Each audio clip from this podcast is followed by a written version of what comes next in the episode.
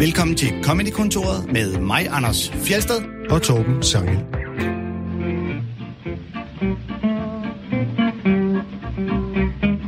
Det er jubilæum, nemlig Comedy-kontoret nummer 70. Hurra! Hvad? Ja, Åh, det holder du styr på. det gør jeg nemlig, fordi Ej, jeg så nummererer dem i min Evernote. Har du taget øh, kage med eller noget? Nej, det har jeg ikke lige gjort. Hvad så? Nej. Ikke noget vi lækkert? Kan, vi kan gå ud og tage noget lækkert bagefter. Fedt. Uh, I dag skal vi til England, og vi skal portrættere en person, som uh, indtil for ganske nylig var en han, men som i et interview for nylig sagde, at hun foretrækker at blive kaldt for hun.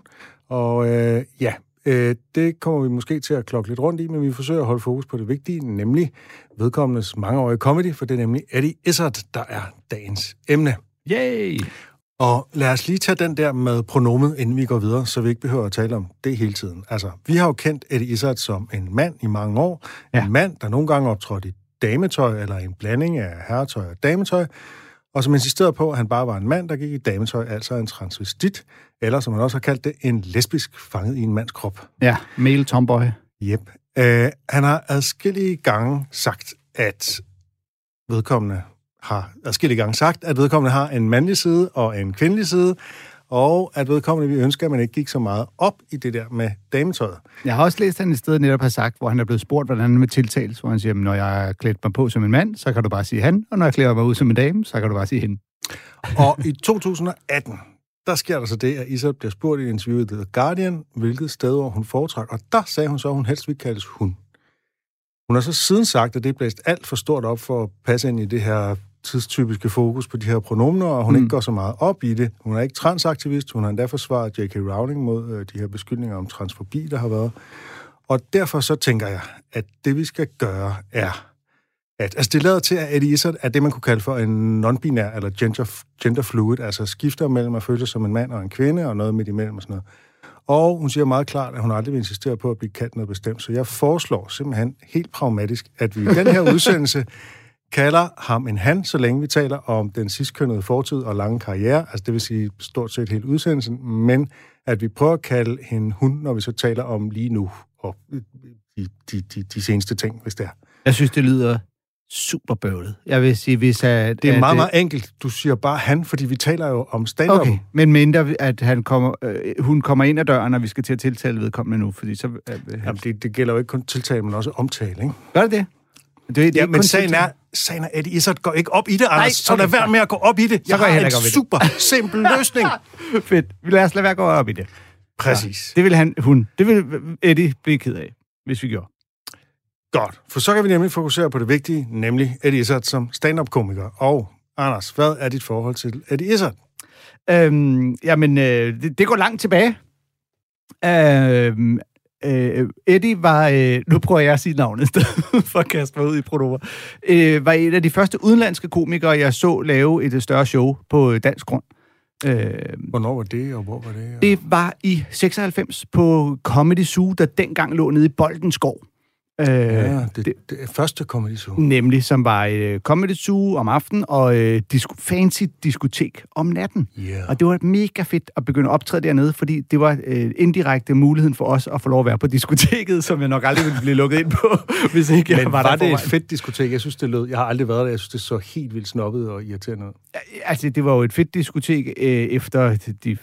Du ville helt sikkert også have synes, det var nede dengang, gætter jeg på. Ja, det Så- gjorde jeg. Jeg synes, det var noget dengang. Jeg har aldrig været derinde, men jeg tillod mig at have en fordom. Men jeg skulle ned på Comedy Zoo en aften, hvor jeg vidste, han skulle på. Eller jeg vidste, der kom en. Jeg vidste ikke, hvem han var. Nej, du har aldrig hørt om ham. Ja. Og øh, jeg kan huske, jeg var meget, altså 20 år i Anders, ikke? Øh, var sådan helt, hvad fanden sker der med det der mærkelige tøj? Hvorfor har han make op på? Jeg synes, det er vildt sært. Øh, hvad skal det nu til for? Og, øh, men jeg kan også huske, at jeg ret hurtigt fuldstændig glemte det. Altså, at man, man bliver sådan helt... Til, på et tidspunkt, så lægger man ikke mærke til det længere, fordi han er så naturlig omkring det. Han omtalte det overhovedet ikke. Og øh, alt det andet, han sagde, var så pivskægt, at øh, det faktisk fjernede fokus.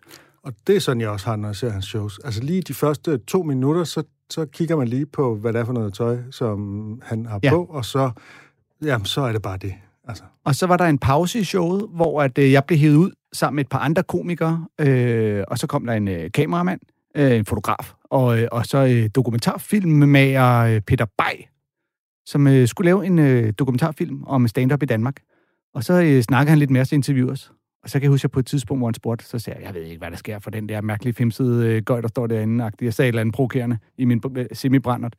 Og det endte med, at han tog mig med i sit øh, program, der hed De Nye Sjove, hvor jeg fik noget, der lignede en af hovedrollerne.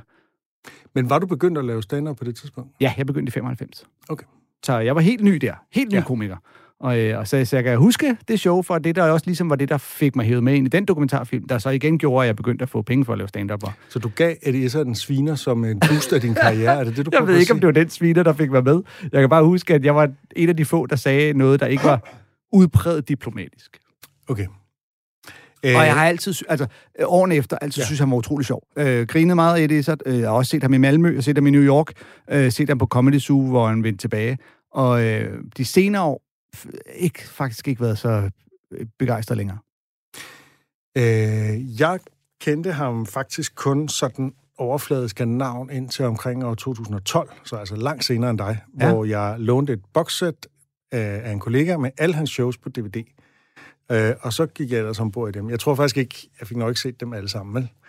Men i hvert fald de fire første, og måske de fem første. Men hvordan Og- har det så været at, at, at se det? Altså, Jamen, jeg har det sådan, at han han på kan... bagkant? Ja, altså jeg tænkte ikke så meget. Han er, der er noget tidløst over ham, ikke? Det er ikke sådan, at man tænker, åh, det er enormt 90'er-agtigt eller sådan noget. Nej. Det synes jeg ikke. Øh, jeg har det sådan, at han kan være fuldstændig genial og også lidt svingende. Altså, det, han er ikke genial hele tiden. Nej. Øh, Nogle gange så tænker man, åh, det var, øh, hvorfor tager han derhen? Det var plat. Og nogle gange i samme bid, så kommer der et eller andet, som er fuldstændig genialt, og så kommer der en eller anden joke, og man siger, nah, hvorfor skulle du nu gøre det? Fordi det ligesom tager et eller andet ud af det, og det er jo den der stil, han har, ikke? Altså, Ja. han tager jo tit sådan en bid et meget mærkeligt sted hen, hvor han lader associationer, måske som han har haft, da han har siddet derhjemme og forberedt det, og de der associationer, de bærer så logikken, og nogle gange er det en meget, meget løs association, der mm. så simpelthen bliver præmissen for, for det næste, der kommer. Ikke? Og nogle gange går det rigtig godt, andre gange går det ikke så godt, nogle gange går det sådan lidt i forskellige retninger. Præcis. Man får indtryk af, at selv når han optager sin show, som for henblik på at udgive dem, det får ham ikke til at, altså det forhindrer ham ikke i at prøve at gå ud af et spor, hvor han ikke ved, hvor han vil hen. Altså, det er ikke sådan, han tænker, nu jeg skal ikke Nej. løbe risikoen for at lave noget lort her, fordi det bliver optaget. Det, det rører ham ikke. Øh, Og det virker heller ikke som om, han tænker, jeg må hellere sortere de her øh, mærkelige ting fra, jeg har lavet nogle af de tidligere shows, som aldrig rigtig har fungeret. Han, det virker som om, jeg kører bare videre derudad. Øhm, da jeg så ham på øh, Comedy Zoo her, ej, det er stadig mange år siden, men det var det nye Comedy Zoo, man så må sige. Ja.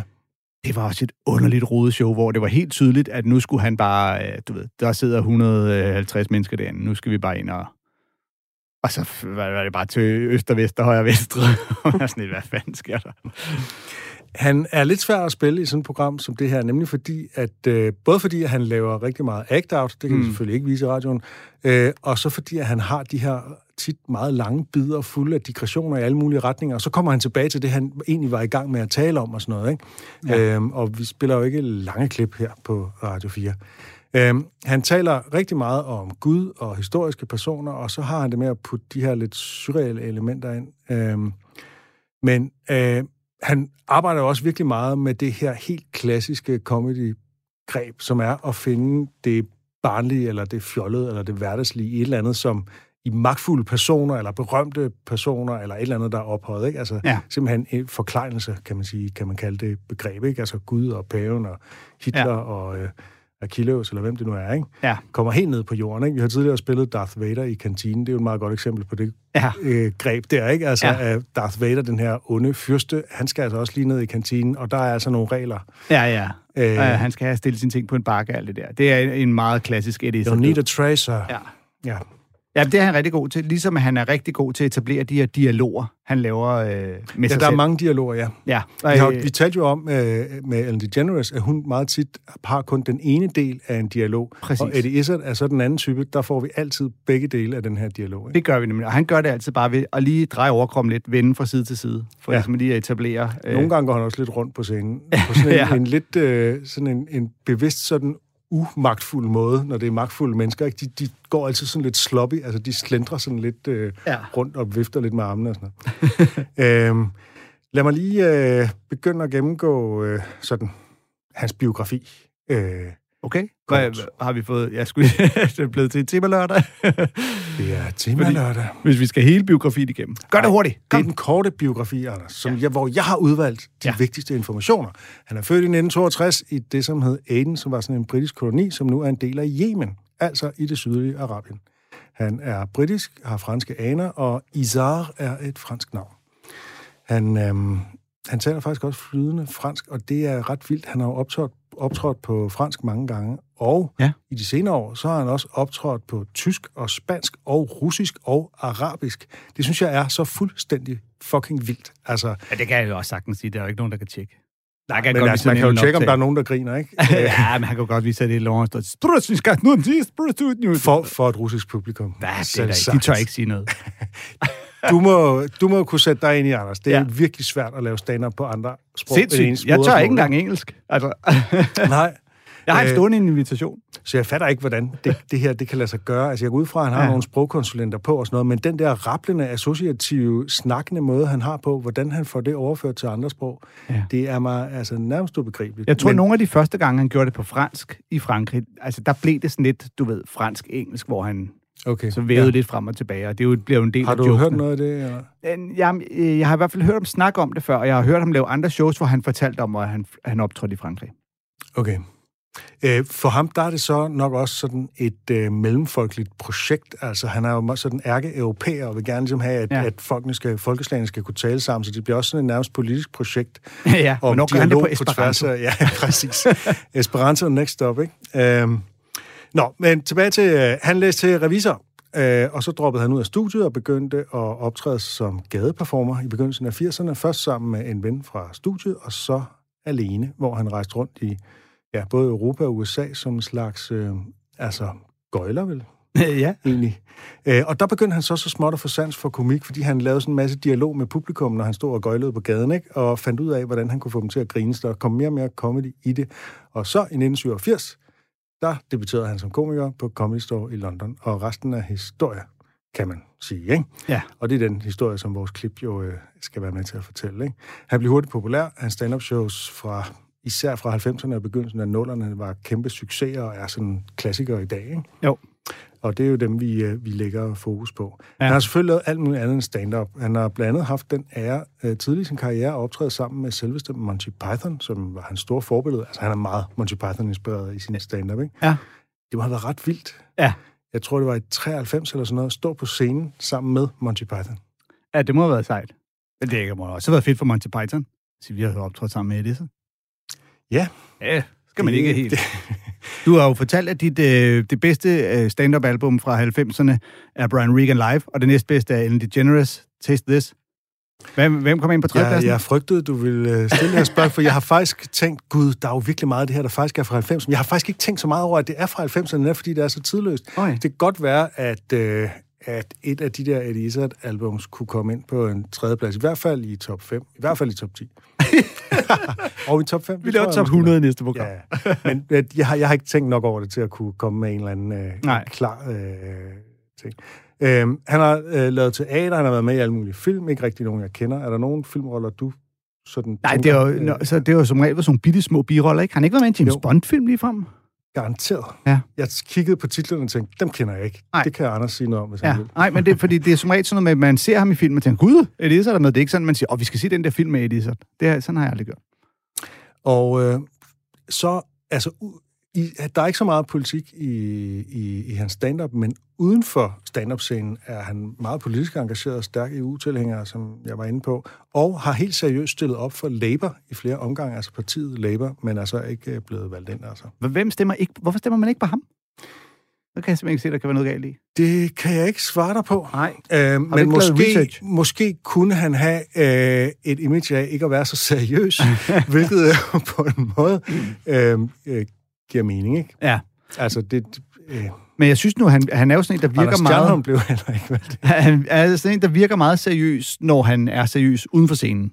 Ja, det er rigtigt nok. Øhm, Men jeg tror godt, altså, det er jo en fordel at være kendt, Ja. men det kan godt være en ulempe at være komiker, når man går ind i politik, ikke? ja, det kan Jeg ved det være. ikke. Nej. Altså, jeg ved det ikke. Og det kan også godt være, at han ikke simpelthen bare ikke er særlig dygtig som politiker, og måske heller ikke har brugt nok tid på det i forhold til dem, han var op imod som altså, det er klart, at det, det kan ikke være hans fuldtidsjob at rende rundt og lave politik. Vel? Nej. Så, øh, jeg ved det ikke. Nej, nej. Det bliver spekulation. Men så har han det her maratonprojekt, Anders. Ja. Det her er jo på et tidspunkt her øh, i hans gamle dage, skulle jeg til at sige, øh, begyndt at løbe maratonløb til den øh, helt store guldmedalje. Jeg tror, det var i 2009, han, han øh, første gang løb for... Han fik simpelthen en guldmedalje. han fortjener i hvert fald en guldmedalje, vil jeg sige. Han øh, løb 43 maratonløb på 52 dage. What? Øh, og det er sådan et projekt for øh, Comic Relief. De laver noget velgørenhed, der hedder Sport Relief. Hvor det, ja, jeg ved faktisk ikke præcis, hvad det går ud på, men der bliver samlet nogle penge ind. Og så fik han den her opgave. Løb alle de her maratonløb. Har han ikke hørt, at man skal restituere dagen efter et løb? Nej, han fik øh, et, et maratonløb hver dag, og så en ugenlig fridag, og så var der også noget øh, rejsetid, fordi han, øh, skulle, han løb rundt i hele England og skulle til Nordirland og sådan noget. Der var lige noget... Han havde fem ugers forberedelse, øh, inden han gik øh, i lag med det her projekt. Det, det, er, altså, det er ligesom mindblowing, som det der med at lave stand på fem forskellige sprog. altså, der er sådan et eller andet overmenneskeligt øh, på færre. Og han har endda selv øh, udtalt, at øh, når man tidligere har optrådt på fransk, så kan intet overraske nogen som helst længere.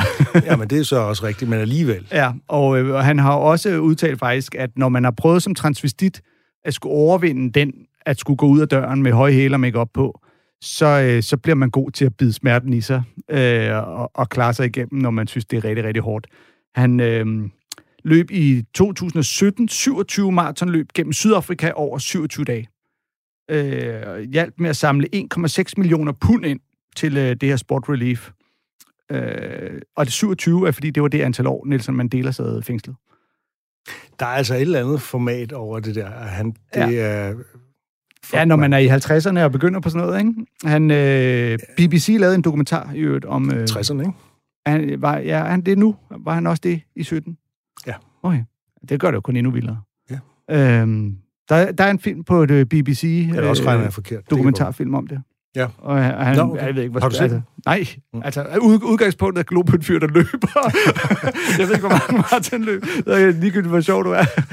øhm, og jeg tror øhm, faktisk også, han her for nylig har lavet sådan et, hvor han skulle løbe maratonløb, og så et show, og maratonløb og show, så han kombinerede det med også at skulle optræde. Det er fuldstændig, altså det er jo rent Forrest Gump-idioti. Ja, på en måde, ja. Uh, er der mere, vi skal sige om ham, eller skal vi til at gå ombord i nogle Vi skal til, vi skal til at spille Ja. nogle af de klip. Og i forhold til at spille ham i radioen, så skal vi også lige sige, at han taler jo et meget, meget pænt Queens English, men han har det med at mumle og tale ret hurtigt, så man skal spidse ører ude ved bilradioerne. Så vil vi også tage jer lidt i hånden. Vi går kronologisk frem og begynder med et klip fra hans første officielt tilgængelige show fra 1994, der hedder Unrepeatable. Han lavede faktisk et i 93, Live the um, Ja. Ambassadors, men Isat kan ikke selv lide det, og derfor er det aldrig blevet genudgivet. Nå, hvor sjovt. Er det, fordi Men han bare har skjorte og blæser og øh, jeans Blandt andet, ja. Det er blandt andet hans øh, øh, visuelle fremtræden, Okay. men det er også, at han ikke synes, han havde teknikken på plads. Okay. Øh, der er selvfølgelig nogen, der har lagt det op på YouTube, øh, Ja, men øh, det, er, det er ikke længere et officielt show. Men på Unrepeatable her, der har han så for alvor fundet sin stil og gør de ting, som han har gjort lige siden. Han optræder med sminke på, han har blandt andet altså øjenskygge og rouge på, mm. men ellers så har han tænker jeg, noget ret stilfærdigt herretøj på, altså en skjorte og en jakke og sådan Nej, der er nogle store flipper på den skjort der, Der ikke? er nogle store flipper ja. på den skjorte, men det, gør jo ikke, det er jo ikke nødvendigvis en Nej. transvestit-ting. Det er Nej, nej. bare sådan, Altså udgangspunktet, så det der med jeans og blazer, det er sgu lige før, at dametøj faktisk er bedre. er bedre, hvis det det skal være. Velkommen til Modehjørnet på Radio 4. øh, nej, men pointen er, at øh, at komme ind på det her, det er, at øh, han rent faktisk i den bid, vi skal høre nu, taler om at være transvestit. Contrary to what you may be thinking, it's not all roses being a transvestite, you know? It's not that. You know, people say, oh, you transvestites, living off the state, they say. Why don't you just get back to Russia? So, what's in Russia? Oh, I don't know, of transvestites. But in Russia, they say, when you get back to wherever you were told to get back from when you, before you I don't know who those people are. But anyway, I also said people say, oh, I wish I was a transvestite. And say, well, if you work hard at school, maybe one day, you know. or exams. So anyway, this is what happens. And if you're transvestite, people do gossip. I knew that would happen. And they do car noises about me. That's kind of weird. They go, yeah.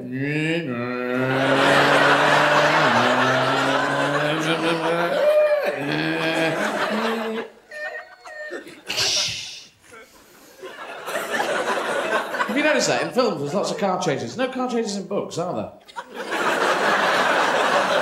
he drove. He looked in the mirror behind him. The man was driving. He looked in the mirror, and then he was driving. Oh, they drove fast, fast. They drove. driving fast and looking in the mirror, and the other guy with pulling a face, he was driving fast, and then there was a terrible crash. Just a fucking word, isn't it? Yeah. So yes, that's that's me. People gossip about transvestite, but I told people I was a transvestite, so that steals their thunder. Have you heard? They, oh, he told you. Bastard. a couple of hours of gossip there. What a glee warming. I bet he's not a transvestite. Yeah, that's it, that's it. I bet it's a tax dodge uh, to get a bigger clothing allowance. Yeah, that's good. So, yes, it was. Oh, yes. Clothes wearing things. Well, women put on trousers back in the 20s, of course, we all know this. And at that time, people said, women can't wear trousers. Back to Russia. and women said, and why not? And people said, oh, very clever. Yeah. very clever question.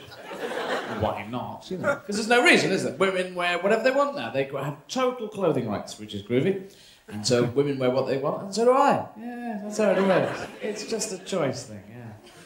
But you do get a certain amount of stick that goes with it. You know, certain people in the street give me a hard time, but they're, they're dickhead men usually, and they hang out in groups of five. I think that's because they have a fifth of a personality each. So I appreciate your applause, but uh, I don't do this for applause. No, I, I do it for cash. It's much better. It's not all roses being a transvestite. øh, det er jo sådan en dobbelt betydning af roser, ikke? Som noget feminin, og så sådan en, en ja. dans på roser, ikke? Jo. Øh, og det er jo ligesom øh, afsættet her, ikke? Han laver nogle øh, forskellige... Altså, han møder forskellige ting som transvestit, og så tager han udgangspunkt i det, og så kører han ud af tangenter, ikke? Hvor den første er sådan en slags overførsel til indvandrere, ikke? Altså, øh, lever på statens bekostning og skal tilbage til Rusland og sådan noget, ikke? Ja. Og det er jo, sådan, det er jo bare en formulering, som så på grund af en association fører ham fuldstændig ud af den der tangent, som ikke rigtig hænger sammen. Altså Rusland, transvestitter... Øh, Nej, nej, ikke. Jeg tror ikke, det er sådan en sammenligning netop med, ved, han siger, lever af statens penge, sådan lidt, det er lidt kommunisme, og kommunister, de skal hjem til Rusland. Det kan godt være. Ja. Øh, det, det kan faktisk godt være. Og, men altså, udgangspunktet er jo ligesom bare det der med, hvad, hvad fanden laver du her? Ikke? Øh, Ja, ja. Hvad, hvad skal du her? Ja. Vi vil ikke have dig. Nej, agtigt, du er ikke? Det er anderledes. den der følelse Ja. af at være anderledes og fremmed. Ikke? Ja. Og den næste er jo så den her med at betragte transvestisme som et erhverv. Altså, fordi nogen har sagt, at de vil ønske, at de var transvestitter, ikke? Det kan man jo, altså, det er jo en mærkelig ting at sige, ikke? Ja. Øh, Og så siger man, hvis du arbejder hårdt for det, så kan du Ja. blive transvestit en dag, Ja, ikke? der skal mere til end bare at tage dametøj på. Det er sådan lidt som, som altså, at være astronaut eller sådan noget, ikke? Åh, oh, jeg vil så gerne være Ja. transvestit. Du kan jo bare tage så på. Ja. Altså. Du kan bare tage en astronautdragt på og flyve ud i rummet. Men den tredje, der så vi begge to, øh, nu her, da vi genhørte det, meget mærkeligt ud i hovedet, fordi jeg tror, vi begge to ikke forstår, hvad det er, at han bliver mødt med, at nogen de siger som en bil, Ja. når de siger en transvestit. Jamen, jeg ved ikke, om Øhm. det er sådan et eller andet, du kører i den forkerte side, eller hvad det er, han prøver at signalere. Det, jeg, jeg, det giver ingen mening for mig. Jeg forstår Nej. det simpelthen ikke. Og lytterne må gerne skrive på vores Facebook-side, Ja. Comedykontoret. Dem, der er Øh, kvik nok til rent faktisk at gå ind og se klippet, om der måske er noget visuelt, der afslører det, eller, eller om det er sådan lidt, det er sådan lidt, nå, du er sådan lidt, und, nå, du er lidt und, und derovre. Jeg ved ikke, om det er det, han prøver... Jeg, Det, det, det er bare noget meget mærkeligt noget at sige. Men han bruger den jo så faktisk til noget andet, til en meget fin observation, nemlig det her med, at der jo ikke er biljagter i bøger. I bøger, ja. Det er meget det, fald. det der med bare lige Ja. at sige en ting, og så er det pludselig noget helt andet, vi snakker om. Så Lige nu går han pludselig. ud af en helt anden tangent. Ja.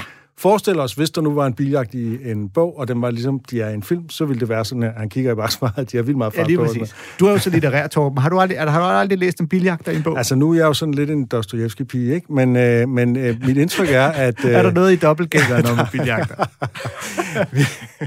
Mit indtryk er, at øh, der nok indimellem er biljagter i spændingsromaner, men de er nok bare noget kortere end i actionfilm og helt anderledes, så de er ikke sådan, som Elisa siger dem her. Men det er ikke, altså, det er ikke en genre, jeg, jeg gør det i. Øh, Nej. det kan lytterne også skrive øh, ind om på vores Facebook-side, Comedykontoret på Facebook. Nå. Og så kommer der jo egentlig argument. Altså, da kvinder begyndte at gå med bukser i 20'erne, så var der alle mulige, der farvede, og så sagde det, hvorfor, de sagde, kvinder kan ikke gå med bukser, hvorfor ikke? Og så var det ligesom, Ja. det var jo det gode modargument, hvorfor ikke? Ja. Øh, Det- og, og der er det jo ligesom at sige, okay, betragte transvestisme på samme måde. Mm. Ikke? Hvor kvinder har fuldstændig, de kan gå i jakkesæt, uden at der bliver rynket sat. De kan, de kan gå ned og strøget, uden at blive antastet. Ikke? Hvis en mand går i damesøj ned og strøget, Og, så sker ikke- noget. Og, prøv, og det, er jo, det er jo igen det der rationelle tilgang, tilgang til tingene. Ikke? Altså sådan helt rationelt vurderet, så kan du ikke øh, være uenig med ham her. Altså, du Der kan er- ikke være uenig med ham i, at hvorfor kan jeg ikke gå dem til? Der er ikke noget argument for, at det er et problem, at der er mænd, der går i dametøj. Der er til gengæld nogle meget, meget stærke følelser hos visse mænd, som gør, at de bliver decideret aggressive, når de møder det. Ja, ja, ja. Og jeg forstår det ikke. Nej, men øh, nej, nej, det, altså, det eneste argument er, at det kan jeg ikke lide, eller altså irrationelle argumenter, ikke? Jo, som, Og, øh, som bare er øh, følelser, mm. måske, som måske skyldes noget, som de her mænd, de selv øh, undertrykker. Ikke? Jo. Han taler uden tvivl om noget smertefuldt, men han går så ikke ind i den her smerte. Altså han udstiller, han er også med at udstille dem, der Mm. gør det, og det er jo sådan set også helt okay. Det var også først i nullerne, det blev almindeligt at gå ind i smerten i stand-up, ikke? Jo. Han holder sig til, okay, de her er nogle idioter. Jeg, øh, jeg siger det på en sjov måde, ikke? Og den her bid er jo ikke den første bid. Øh, det kommer ind midt i showet. Altså normalt vil man jo sige, du ved, hvis du går på scenen med makeup og dametøj, så skal du skynde dig lige at få det øh, Det er det, vi siger inde på stand-up-skolen, Ja. når vi underviser i stand-up. Jamen, det gør vi, og, og, og, og jeg er jo personligt altid sådan en, lad nu være med at gøre et eller andet, der fjerner fokus fra det, du har tænkt dig at sige. Fordi man skal være lige så dygtig som Eddie Izzard, for at, at man, altså for ikke, at, at det fjerner fokus. Han trækker den i hvert fald langt, ikke? Vi, Ja. vi har også spillet øh, Patton Oswalt, der, der skal tage om sin døde kone, hvor der også ligesom var en elefant i rummet indtil da, men han trækker den rigtig, rigtig længe, Ja. før han går ind i det. Men, og, men, det er jo, men det er ikke en ting, man ser, altså på samme måde. Nej, Du det, ved, det, det, hvis du kommer ind med en andet. tatovering i panden, så. Ja. så kommer folk ikke til at lytte rigtig meget efter dine hunde- og katte-jokes, før du ligesom har sagt et eller andet om, hvorfor du har en tatovering i panden. Mm. Øh, men det, det, han, han venter jo simpelthen. Og det er også det, vi siger, altså efter to minutter, så Ja. har man ligesom vendt sig til at kigge på ham, ikke? Mm. Øhm, vi skal høre en bid fra øh, showet Definite Article fra 1996, Yes. hvor han bruger sådan en meget speciel scenografi, nemlig en kæmpe stor bog, som han træder ud af, og som, hvor der så bliver projiceret citater af Shakespeare og Lewis Carroll og andre øh, finlitterære ting og sådan noget. Ikke? Øh, og hvad angår transvestismen, så har han gået et skridt videre. Han har nu sådan nogle feminine ørering på, og en rød velurjakke og højhældet sko og sådan noget. Ikke? Det var det show, jeg så øh, på Sus, og det, og det ah, var det samme tøj, han samme øh, tøj, var rundt i der, og sådan nogle øh, lakbukser og lignende. Øhm, Og det, vi skal høre, det handler simpelthen om øh, forskellige frugter. Det er jo et emne, vi egentlig godt kunne lave en hel udsendelse om. Men øh, lad os høre Eddie Izzard. kan være, vi lige hurtigt netop, når du siger det, bare skal sige, at Satsuma er en øh, clementin-mandarin-variant. Bare hvis man bliver forvirret. Yes. Yes, and so fruit is, is, is very groovy to eat. There's apples. Apples are quite a little hardy little fruit. You just grab them to eat them, and you go ar ar ar ar ar ar, ar and you start to eat them. And always do the dog impression first. And when you get down to where the pips are, you go no, and you spit it away, throw it away, in case you swallow a pip and a tree comes out your head.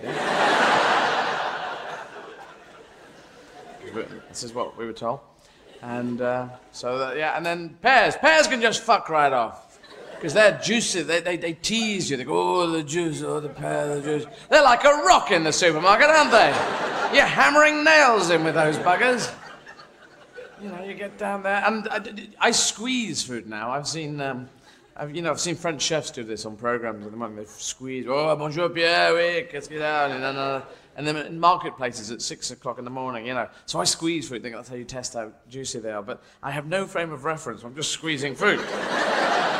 la la la. La, la. Do you have a squeezy chart by any chance? I don't, I don't know what I'm doing. I'm just squeezing fruit. You should be able to attach electrodes to your fingertips, I think, and then you woo woo.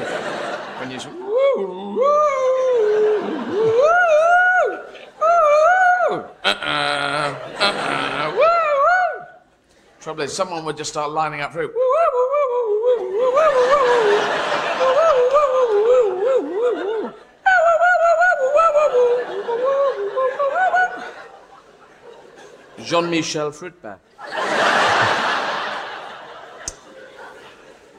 So, yes, so pears, what you do is you take pears home, and oh, they're ripen up, even though they're like a rock, but they just sit in the bowl going, no, no, unripen yet, no. Wait till he gets out of the room. Ripen now, now, now. you come back in later, I'll try one of those pears. These things have gone. These are dead pears. You cheeky pears. And bananas, all this slipping on a banana skin, for years slipping on a banana skin. Now think about it. Have you ever in your life actually seen with your own eyeballs any human being ever slip on a banana skin ever? I've never seen anyone, I've never seen documentary footage of anyone slipping on a banana skin. I've heard stories, oh yeah. It's called propaganda, that is. So bananas. And, a, and war, and, and, and oranges. There's a big war going on in the orange area between the big old fuck off Stalinist oranges, big old school, uh, uh, in my day,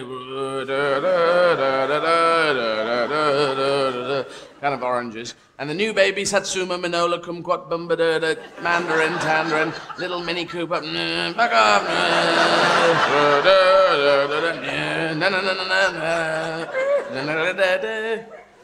Yeah, they're great. They're sexy Satsumas. They just go, take me in food terms.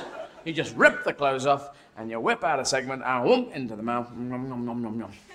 It's great, you know. And seeing as you've got, you suddenly see you've got loads of segments there, you start giving, go on, have a better Satsuma. Have a better fucking Satsuma. Like a very cheap round, isn't it? Go on. Barman, Satsuma for everyone. Da-da-da-da. Satsuma kid. You can't do it with the orange, though. Oh, you want a bit of an orange? All right, we've got a hammer or a hacksaw. Try and break my way into this. Because inside an orange, it's like the film Das Boot in there. With Jurgen Prochnow as captain, going, hold on to the skin. They're trying mallet depth charges. Let the skin come off only in small chunks. They'll hate that. Can't get this bugger open. No, they're breaking in. They've got a knife now. Now, everyone in the orange, push the pips into bits they wouldn't expect. There we go. So oranges can just fuck right off this one.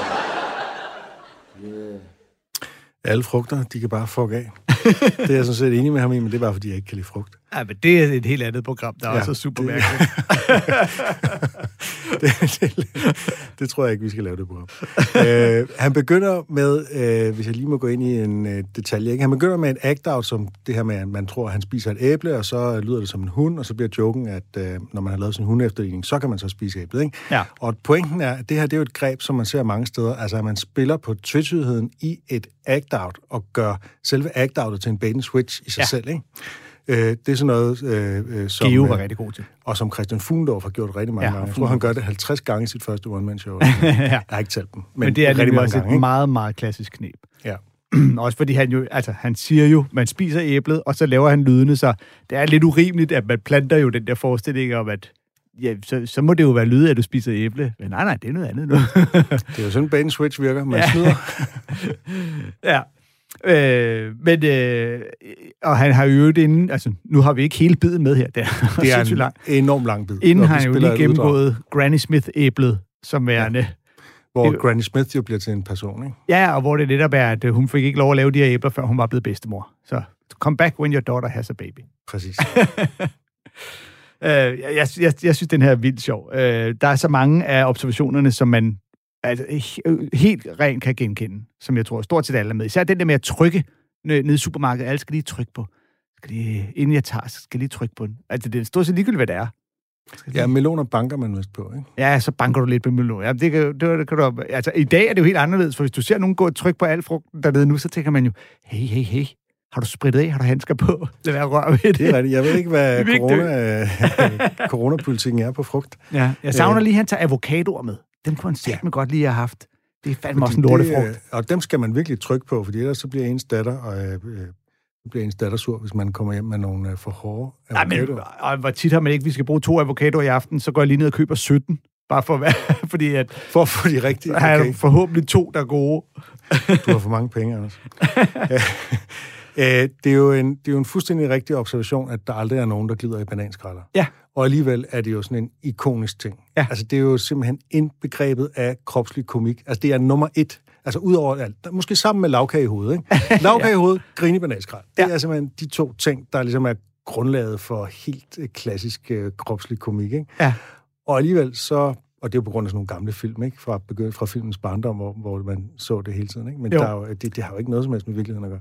Nej, men det, det der, øh, jeg synes, der er lidt ærgerligt, at han bruger faktisk ikke observationen til så meget. Han siger bare, det er propaganda Det er som om, det er det, han vælger at slukke den på. Ja, så, og det er jo det, det er sådan typisk det der lidt, nogle gange bliver det lidt sloppet, ikke? Så tager han hen, som om, at der er en eller anden konspiration eller et eller andet, ikke? Ja, ja, Men jeg tror faktisk, jeg, det jeg kommer lige i tanke om, jeg tror engang, jeg spurgte om det der på Facebook, er der egentlig nogensinde nogen, der har klædet i en bananskrald? Og så var der en, der kunne henvise til en undersøgelse, der viste, at omkring år 1900, så i New York, eller hvor det var, Chicago, et eller andet sted, øh, var der virkelig et problem med, at der lå så mange øh, bananskralder på gaden og sådan noget, af en eller anden grund, fordi bananer lige var kommet. Jeg kan ikke huske detaljen, Øh, det, det kan man researche. Lige omkring... Øh, Der kan, der kan have været en gang, Ja. hvor der rent faktisk var nogen, der gled i bananskralder en gang imellem. Ja, men jeg tror også midt på strøget, øh, lige omkring øh, Kim Larsens øh, onkels øh, båd, er der mange, der har glædet. Ah. Den fangede jeg godt. Ja, det er jeg glad for. Det er jeg glad for. ja, ja, ja, ja. Jeg synes, at Eddie, Eddie Izzard er også utrolig god til det der med at gøre tingene levende, og give, øh, give alting stemmer. Øhm, det, er, det jo meget brugt, især med, med, med dyr. Du ved, så giver man dyrene. Men her gør han det jo med appelsiner og pærer og alting. Hele ideen om, at de der altså både inde i appelsinen, de har en eller anden plan om at irritere menneskene Ja, ja, mest muligt. der sidder en chef derinde og holder styr på det. Det er jo også utrolig genkendeligt, det der med, skralden skal komme af i små dumme stykker. Og man tænker, det er fucking ikke rigtigt. Er det fordi, de sidder derinde og aftaler det? Er det virkelig derfor? Eller pærer, der kun er tilpas modne i et... Det er jo også øh, fuldstændig øh, perfekt reference, synes jeg. Det er et komplot fra frugternes side. du lytter til Comedykontoret på Radio 4 med Anders Fjeldsted og Torben Sangel. I dag handler det om den britiske stand-up-komiker Eddie Izzard. Og vi skal til det mest Eddie Izzard-agtige, der findes, nemlig når han går ombord i sådan noget historie, litteratur og religion og laver sine helt egne versioner af sådan nogle berømte handlingsforløb. Det er fra showet Glorious, hvor han har et større mellemværende med Iliaden og den trojanske krig, og vi kommer ind i den mest berømte fortælling af dem alle sammen, nemlig øh, den om den trojanske hest, der jo øh, som bekendt ikke er en del af Iliaden. Vil du sige noget, Anders? Bare gør opmærksom på, at når han siger, så er det et callback, som vi ikke når at få med.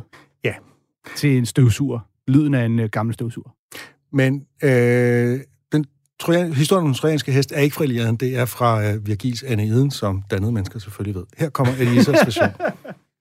Ten years of siege, and then the Greeks finally played their masterstroke final end game play, where they built a huge fuck off horse, 100 meters high, made of wood, and then they, they sailed off in their ship saying, Bye! Bye, we're going now, you've won, bye! You've left your huge fuck off horse. As per usual, bye! As you normally do in these situations. Hope you enjoy it. What's, what's the precedent for leaving a huge fuck off horse? Normally, if you had 10 years of failure, you'd leave a, a, some dog poo behind. This, this is what we think of you. You bastards. Helen, you still in there, you bastard? So the Greeks sailed off in their ships, and they sailed over the horizon, you know, where, and it dips right down, and they sailed to where it dips down behind the horizon, where you can't see it if you've ever been to the horizon. And all the Greeks just hid behind the horizon, just below the horizon. They could crawl along just below the level of the horizon. So they could get a good look at the, the, the Trojans. They, they would stick uh, fish on their helmets and they could jump up. So, yes, anyway, so they built the big fuck off horse, and the Trojans came out and said, Oh, a big fuck off horse, just what we've always wanted. come on, drag it in. Come on, Tony, Simon. I don't know what Trojan names are like. Anyway, they should have checked because it was a big hollow horse. They should have done that tapping thing. Tap, tap, tap, tap, tap. Tap, tap, tap, tap, tap. Tap, tap, tap, tap, tap. Hey, hang on. Tap, tap, tap, tap, tap, tap, tap. This one's hollow. Get it open. And inside there'd be a load of Greeks in there. Hello. oh, have they gone? Oh, damn. No, we forgot to set an alarm because they haven't been invented. Um, we were just cleaning up. Hodda-da-da-da-da. Hodda-da-da-da. Yeah, so you must be Trojans, right? Well, uh, this is Agamemnon. I'm Ajax. This is Prince Philip of England. Don't say a bloody word. Do not say Igen, så synes jeg, at den øh, fiser lidt ud til sidst, altså med prins Philip og en alarm og sådan noget, hvor det ligesom bare bliver sådan nogle mærkelige øh, øh anachronismer, som... Øh, men jeg synes øh, sådan set, at... Altså, det er, jo, det er jo virkelig let at gøre grin med historien om den trojanske hest. Det er sådan set meget oplagt, ikke? Den er Noras ark. Den er, ja, den er lige så usandsynlig, som den er fascinerende. Ikke? Og det er jo, trojansk hest er jo simpelthen det er jo så berømt, så det er jo blevet begreb for alle mulige manøvrer, hvor man trænger ind i et system under dæk af noget andet, som for eksempel når man hacker computer og Ja. virus og sådan noget. Ikke? Jo. Øh, det er jo på en måde en god historie, men altså som reel strategi, så vil den jo aldrig nogensinde virke. Nej, og det, øh, det talsætter han jo ret fint med hele den der. vi efterlader det hest, som man jo gør. Hej, hej. og, så, og der laver han jo, han laver jo en række af forklejninger, ikke? Altså det barnlige, jeg siger, bye, ja. bye. Ikke? 10 års belejring. Ej, vi ses. Og det hele det der, som man jo gør, og et, kalder det a fuck off horse, altså sådan en... Ja vi skrubber af hest, eller hvad man skulle. Ja. Øh, og, og, også hele ideen om, at så gemmer vi os lige bag horisonten, og hvis I nogensinde har været ved en horisont... Ja, ja, det synes jeg til gengæld er ret sjovt. Der det er ret sjovt. Jamen, jeg synes, det er en masse flat earther, som bliver skide sure nu. Men, ja, dem har vi ikke så mange af, lyttere, tror jeg. gemmer os bag horisonten. Ja, det, det synes jeg er utroligt skægt. Men øh, ja, og så, og så kan jeg, jeg kan også godt lide hele hans act-out på, at netop forestilling om, hvis de her grækere rent faktisk var blevet afsløret, inden de var kommet ind der. Hej, ja. Nå, er de, er de taget sted? Ja, hvordan, hvordan, hvordan redder man lige den, ikke? Nå, ja. vi var bare lige i gang med... Og det var, og det var så og det, det der hvor... callback, det kan du måske lige forklare. Ja, men han på et tidspunkt snakker han om støvsuger, hvordan der er de der øh, klassiske med ledninger, der siger, og så var der åbenbart sådan nogen, der bare sagde, som var sådan Nå, det ved jeg da godt. Det er sådan nogle ikke elektriske. Har ja. aldrig prøvet sådan en, altså? Nej, det tror jeg ikke, jeg Ja, øhm, dem havde vi ude på landet, barn. Okay. Øhm, og det er sådan, han redder rigtig mange af sine øh, bidder, ved at lave sådan et, et callback til en lyd eller en person, eller noget, han har etableret tidligere. Det er han også skidegod til. Der bliver altid etableret et ja. eller andet dumt ligegyldigt. Om det så er en italiener på en scooter, der siger ciao, eller om det er noget med, det altid er øh, Perry Mason, eller hvem det er, der altid lægger stemme til. Mm. Øh, og her er det jo så der skal forestille at redde hele den bid. Og det er jo... altså, callback er jo en lidt, en lidt billig måde at få, få, få grin på, ikke? Altså at komme ud af, som kan være at komme ud af en bid, som man ellers ikke har en slutning på, ikke? Øh. Jo, jo, og, men, og det kan være, øh, det er altid, det kan være et glimrende trick til netop bare at referere tilbage øh, til noget, som man jo så griner af, fordi ja, jeg kan huske det. Det kan sagtens være noget, du bruger alt for meget, og hvis du øh, gør det for tydeligt, at nu i scene sætter jeg et eller andet, der kun har til formål, at jeg her om 20 minutter skal snakke om det igen. Øh, han er god til at gøre det på en ret flydende måde, synes jeg. Det er han. Øh, vi har været inde på det der med, at han øh, ikke er så politisk i sin stand-up, men øh, indimellem, så kan man jo godt støde på antydninger af en politisk holdning. Og det skal vi høre et eksempel på fra showet Circle, der er optaget i år 2000, men udgivet i 2002. Han optræder i New York, øh, altså for et amerikansk publikum, og han går lige ind i diskussionen om USA's våbenlovgivning. Men øh, på sin egen måde, kan man godt sige, hvor øh, associationerne igen får deres eget liv. Where the fuck? Oh, yeah, Charlton, right, so Charlton. National Rifle, Rifle Association. Um, and you have that saying, the, the, the saying, what is it? The guns don't kill people, people kill people, but monkeys do too. if they've got a gun. Without a gun, they're pretty friendly, but with a gun, they're pretty dangerous. And they wouldn't be lethal, they'd just be.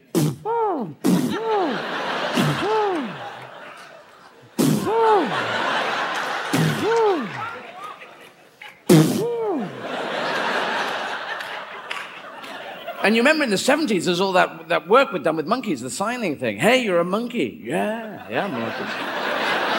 so, what's it like being a monkey? Not bad, not bad. Hmm. What's it like being a human?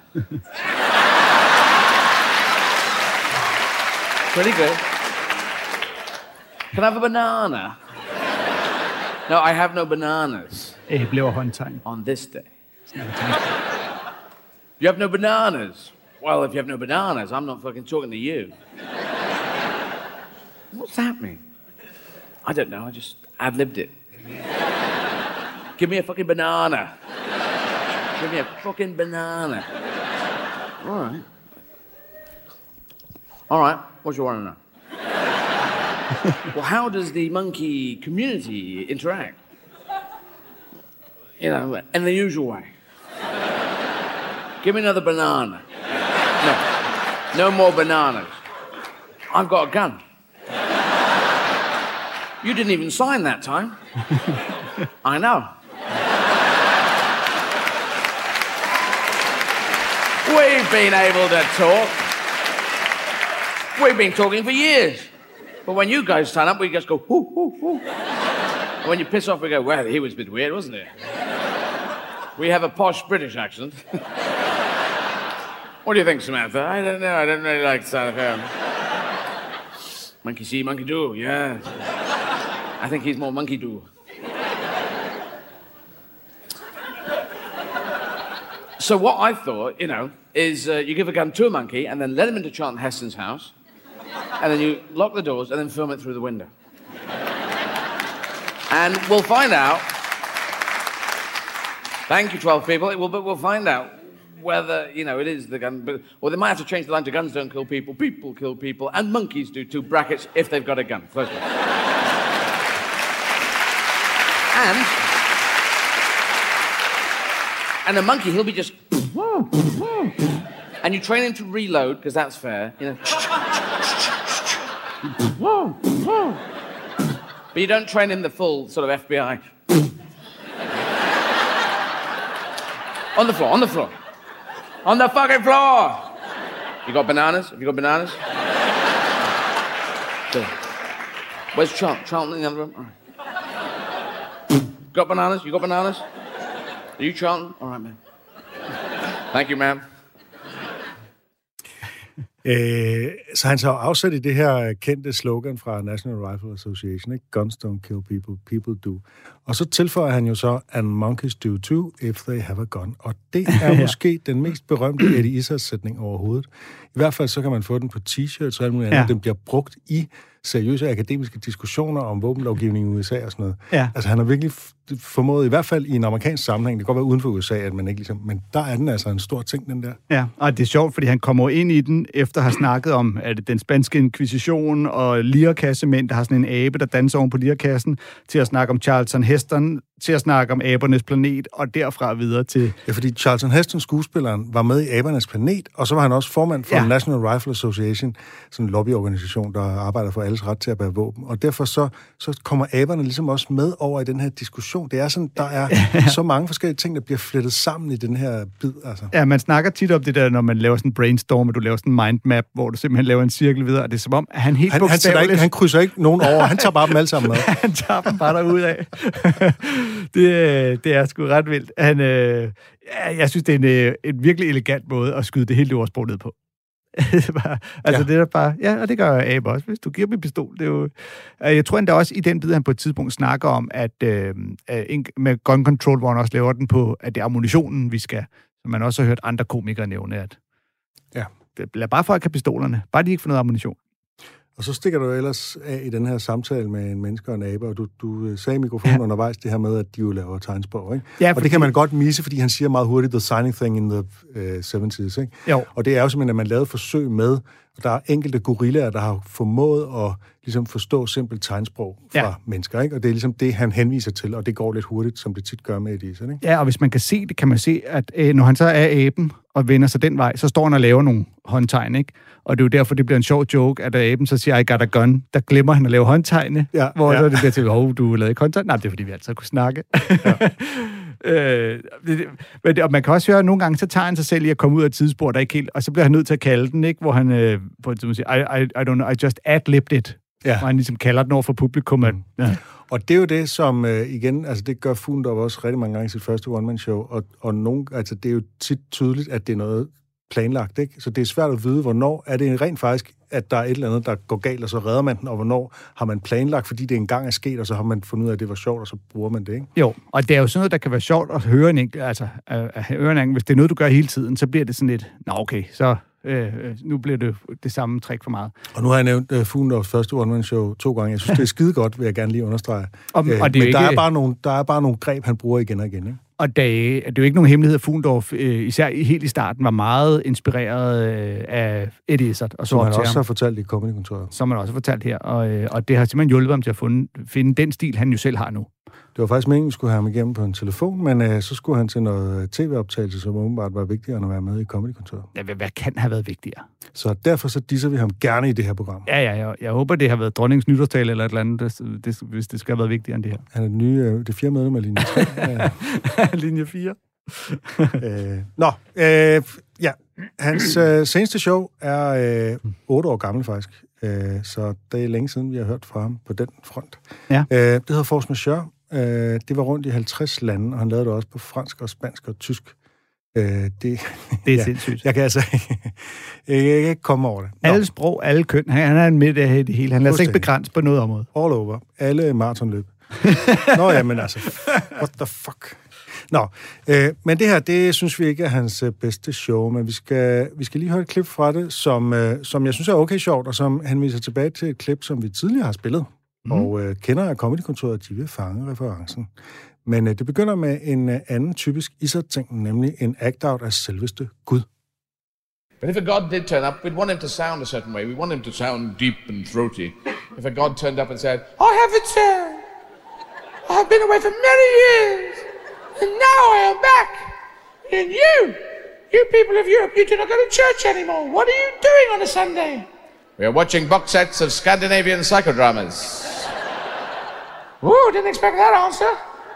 Yes, girl with a dragon tattoo, fish with a banana haircut. The cheese sandwich that ate itself. Wallander, Billander, Ballander, Gillander. The girl with the lumpy jumper. Right, well, uh, I don't know what to say to that. But now I have returned. Will you come back to church? We will not come back to church. And why not? Because your voice is too high. You built us, you made us not trust the high voiced people. This is true, isn't it? We will not follow the high voiced people into battle. Come on! Take that, and you, and take. We will fight. Where the hell is everyone? Once more unto the breach difference, once more. Or close up the wall with our English dead. In peace, there is nothing so becomes a man as modest stillness and humility. But when the winds of war blow in our ears, then imitate the actions of a tiger. Come on! Uh, you go first. We'll be right behind you. Got the wrong shoes on for uh, war. Change into the flats. No, we want a god to sound more like this. I am God. I have been away for many thousands of years. But now I have returned, and I have taken up scuba diving. Because I like to see the little fishes, little fishes that come by, little fishes. Oh, the yellow one. That's a yellow fish. And then the instructor goes, No, it's called a Philippus peticularis. And you go, Well, it looks like a fucking yellow fish to me. But now I am hungry. I must go to the canteen to get some food. Good woman. Good woman, what food do you have in your canteen? We have a lot of food here today. Thank you. We have uh, the uh, salad niçoise that comes all the way from Niçoise. We have a cob salad. It's made entirely out of male swans. We have the chicken Caesar salad, made very popular with chickens and ex-dictators. We have sausage, egg, and chips, and the enigma variations of that. And we also have spaghetti alla carbonara. Will I need a tray?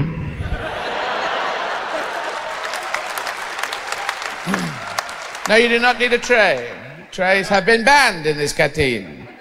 For once, eight years ago, there was a fight with trays.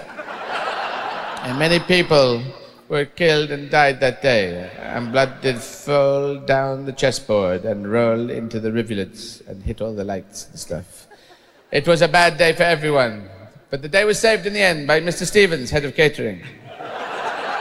For he did come in and see everyone fighting with trays, and he did pick up a tray from the pile and immediately dropped it, for it was wet. Then he picked up another one, and that flew out of his hand. A third one flew too. Then he nailed a fourth one to his hand with a conductor's punch. Even now, people sing songs about Mr. Stevens and that day. Og han fortsætter så faktisk med at synge en vise om Mr. Stevens øh, heltedåd øh, i kølvandet på den her mytologiske øh, kantinebakke. Fordi Gud, fordi Gud spørger, hvordan lyder den sang. Det bliver næsten sådan noget improteater. Det er jo faktisk altså, øh, en god observation, at Gud er nødt til at have en dyb stemme, fordi vi ikke kan tage ham alvorligt. Altså, det er jo simpelthen en ting, at øh, det er blevet testet adskillige gange, ikke? at vi oplever dybe stemmer, som øh, de har større autoritet end lyse stemmer. Mm. Øh, Det er grundlæggende sikkert en eller anden øh, strukturelt sexistisk ting, kunne jeg forestille mig, der er nogen, der vil mene. Ja, og så er der et paradoks i, at øh, Gud med den lyse stemme, han har skabt mennesket til ikke at respektere øh, med, med, med, med lyse stemmer, ikke? Jo. Og så, øh, han citerer jo, altså det er jo, så overfører han sig på det der med en general i krig, ikke? Og der citerer han jo fra Shakespeares Henry V, der hvor de skal til at angribe franskmændene, og Henry holder sin berømte motivationstale, ikke?